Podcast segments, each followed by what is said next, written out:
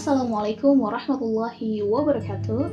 Teman-teman semua di mana pun kalian berada Semoga kalian baik-baik saja Meskipun kita masih dalam keadaan new normal ya teman-teman. Tapi kalian perlu untuk tetap waspada Berantisipasi gitu kan Menjaga jarak gitu Biar kita terhindar dari wabah COVID-19 meskipun sekarang lagi normal. Nah, lagi-lagi ada yang viral yaitu tentang Turki ya teman-teman. Tentunya sudah mendengarkan tentang Hagia Sophia yang kemudian um, menjadi magnet bagi umat Kristen dan Islam sedunia. Jadi pada kesempatan ini teman-teman, saya akan membahas sedikit ya sejarah tentang Hagia Sophia atau sekarang kita sebut dengan Hagia Sophia. Ah, Hagia Sophia atau Hagia Sophia ini sebelum diubah menjadi masjid, Hagia Sophia adalah sebuah gereja yang bernama Hagia Sophia yang dibangun masa Kaisar Justianus yang pada saat itu adalah penguasa Bizantium dan tepatnya pada tahun 558 Masehi. Ya, arsitek yang kemudian membangun Hagia Sophia ini itu bernama Anthemios dan Isidorus. Nah, berkat kedua arsitek inilah bangunan Hagia Sophia muncul sebagai simbol puncak ketinggian arsitektur Bizantium. Kedua arsitektur ini membangun gereja Hagia Sophia dengan konsep yang sangat baru. Kalau sekarang ini kita mungkin bahas konsep yang masih jadi trending, konsep yang kemudian kalau sekarang kalau konsep-konsep arsitek rumah itu ya rumah minimalis gitu ya, yang kemudian menjadi trending. Nah, hal ini dilakukan uh, setelah orang-orang Bizantium yang mengenal bentuk kubah dalam arsitektur Islam, terutama dari kawasan Suriah dan Persia. Keuntungan dari mereka mengikuti arsitektur kubah Islam ini yaitu praktis ya bentuk kubahnya yang kemudian dikembangkan dalam arsitektur Islam ini terbuat dari batu bata yang lebih ringan daripada langit-langit kubah orang-orang Nasrani di Romawi yang terbuat dari beton tebal dan sangat berat ya serta juga biayanya mahal. Nah, oleh keduanya, asli konsep kubah dalam arsitektur Islam ini dikombinasikan dengan bentuk bangunan gereja yang memanjang.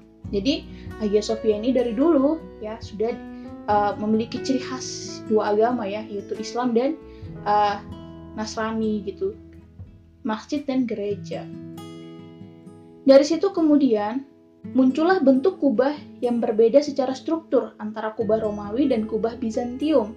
Nah, pada arsitektur Romawi, kubah dibangun di atas denah yang sudah harus berbentuk lingkaran, dan struktur kubahnya ada di dalam tembok yang menjulang tinggi sehingga kubah itu sendiri hampir tidak kelihatan. Nah teman-teman bisa lihat di uh, di Romawi sendiri ya.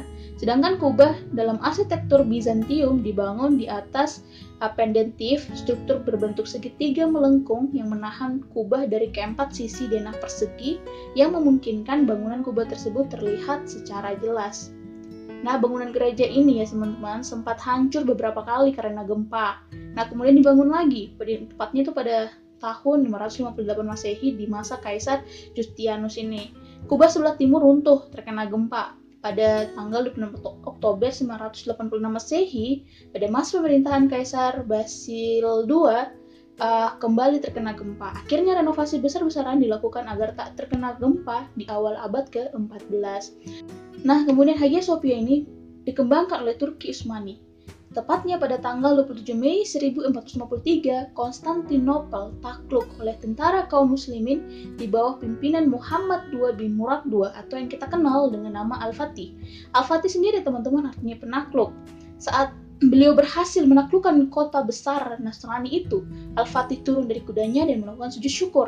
Kenapa beliau melakukan demikian ya teman-teman? Jadi jauh sebelum Konstantinopel ini ditaklukkan, uh, baginda Nabi Allah Muhammad Shallallahu Alaihi Wasallam sebagai utusan Allah telah menyampaikan itu, menyampaikan pesan bahwa Konstantinopel pasti akan ditaklukkan dan pemimpin yang menaklukkan Konstantinopel adalah sebaik-baiknya pemimpin dan pasukan yang menaklukkan Konstantinopel adalah sebaik-baiknya pasukan.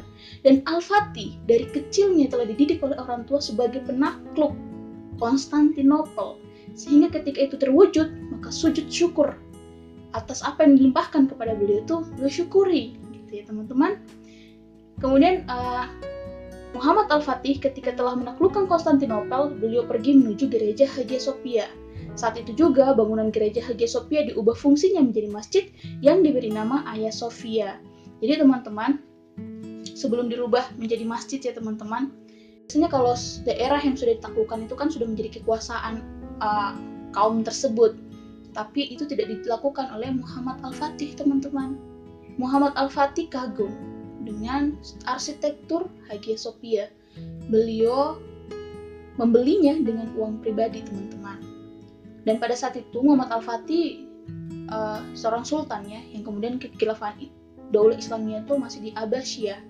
Nah, sehingga beliau tuh membeli Ayah Sofia ini pakai uang pribadi, kemudian uh, oleh karena kekuasaan beliau beliau membangun gereja untuk tempat peribadatan orang-orang Nasrani teman-teman jadi gitu jadi dalam Islam ya teman-teman Islam itu ketika orang orang berlindung di tempat-tempat ibadah maka haram bagi kita untuk membunuh mereka tidak boleh membunuh mereka seperti gitu ya teman-teman ya nah jadi pada hari Jumat atau tiga hari setelah penaklukan Ayah Sofia langsung digunakan untuk sholat Jumat berjamaah.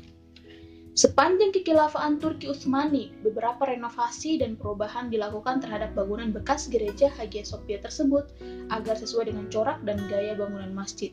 Dalam sejarah arsitektur Islam, orang-orang Turki dikenal sebagai bangsa yang banyak memiliki andil dalam pengembangan arsitektur Islam ke negara-negara lainnya. Sementara dalam masalah keagamaan, orang-orang Turki terkenal sangat bijak, sebab mereka tidak memaksakan penduduk daerah taklukannya untuk masuk Islam, meskipun mereka berani berperang untuk membela Islam. Jadi teman-teman, dalam Islam itu ya teman-teman, uh, untuk memeluk agama Islam itu tidak ada paksaan sebenarnya. Tidak ada paksaan. Jadi kalau ada yang memaksa kalian masuk Islam yang salah itu ya orang tadi paksa jadi Islam itu dalam Al-Quran sendiri itu mengatakan kita tidak memaksakan siapa saja untuk memeluk agama ini. Nah kenapa ada perang gitu? Islam kok identik banget dengan perang? Sebenarnya nggak ada perang ya. Sebenarnya itu kalau ada jalan yang lain yang kemudian tidak menumpahkan darah mungkin jalan itu ditempuh. Tapi kalau semua dulu kan apa-apa harus perang apa-apa harus perang ya Nah, dan kenapa harus perang? Jadi sebelum perang itu ada strategi, jadi ada ada tahap-tahapan sampai menuju perang. Jadi ada ada surat yang kemudian dikirim kepada pimpinan suatu kaum yang kemudian itu dianggap kaum itu bukan dianggap ya kalau dilihat ya kaum itu tidak mel, pemimpinnya tidak mengurusi umat dengan baik, pemimpinnya pemimpinnya zalim, tidak menyembah Allah Subhanahu wa taala atau tidak mau tunduk kepada aturan Allah Subhanahu wa taala, maka dikasih peringatan gitu kan kalau kalian tidak mau masuk eh, mengikuti aturan Allah maka kami akan perangi. Nah ketika mereka tidak ikuti aturan Allah barulah diperangi. Tapi masalah memeluk keyakinan itu teman-teman bebas gitu kan. Teman-teman bebas melakukan praktik agama teman-teman di dalam uh, kekuasaan Islam. Tidak ada paksaan mengenai hal itu. Bukan berarti Islam akan berkuasa dan uh, teman saudara-saudara yang lain dipaksa pakai kerudung dipaksa harus sholat dipaksa masuk Islam itu itu tidak benar teman-teman itu tidak benar adanya karena itu betul-betul dilarang ya dalam agama kami. Nah, karena orang-orang Turki ini beragama Islam ya, jadi dalam Islam ya kita harus bersifat arif, bijaksana. Maka ketika gereja Hagia Sophia dialih fungsikan menjadi masjid pada tahun 1453, bentuk arsitekturnya tidak dibongkar, Nah, kubah Hagia Sophia menjulang ke atas di masa Bizantium tetap dibiarkan.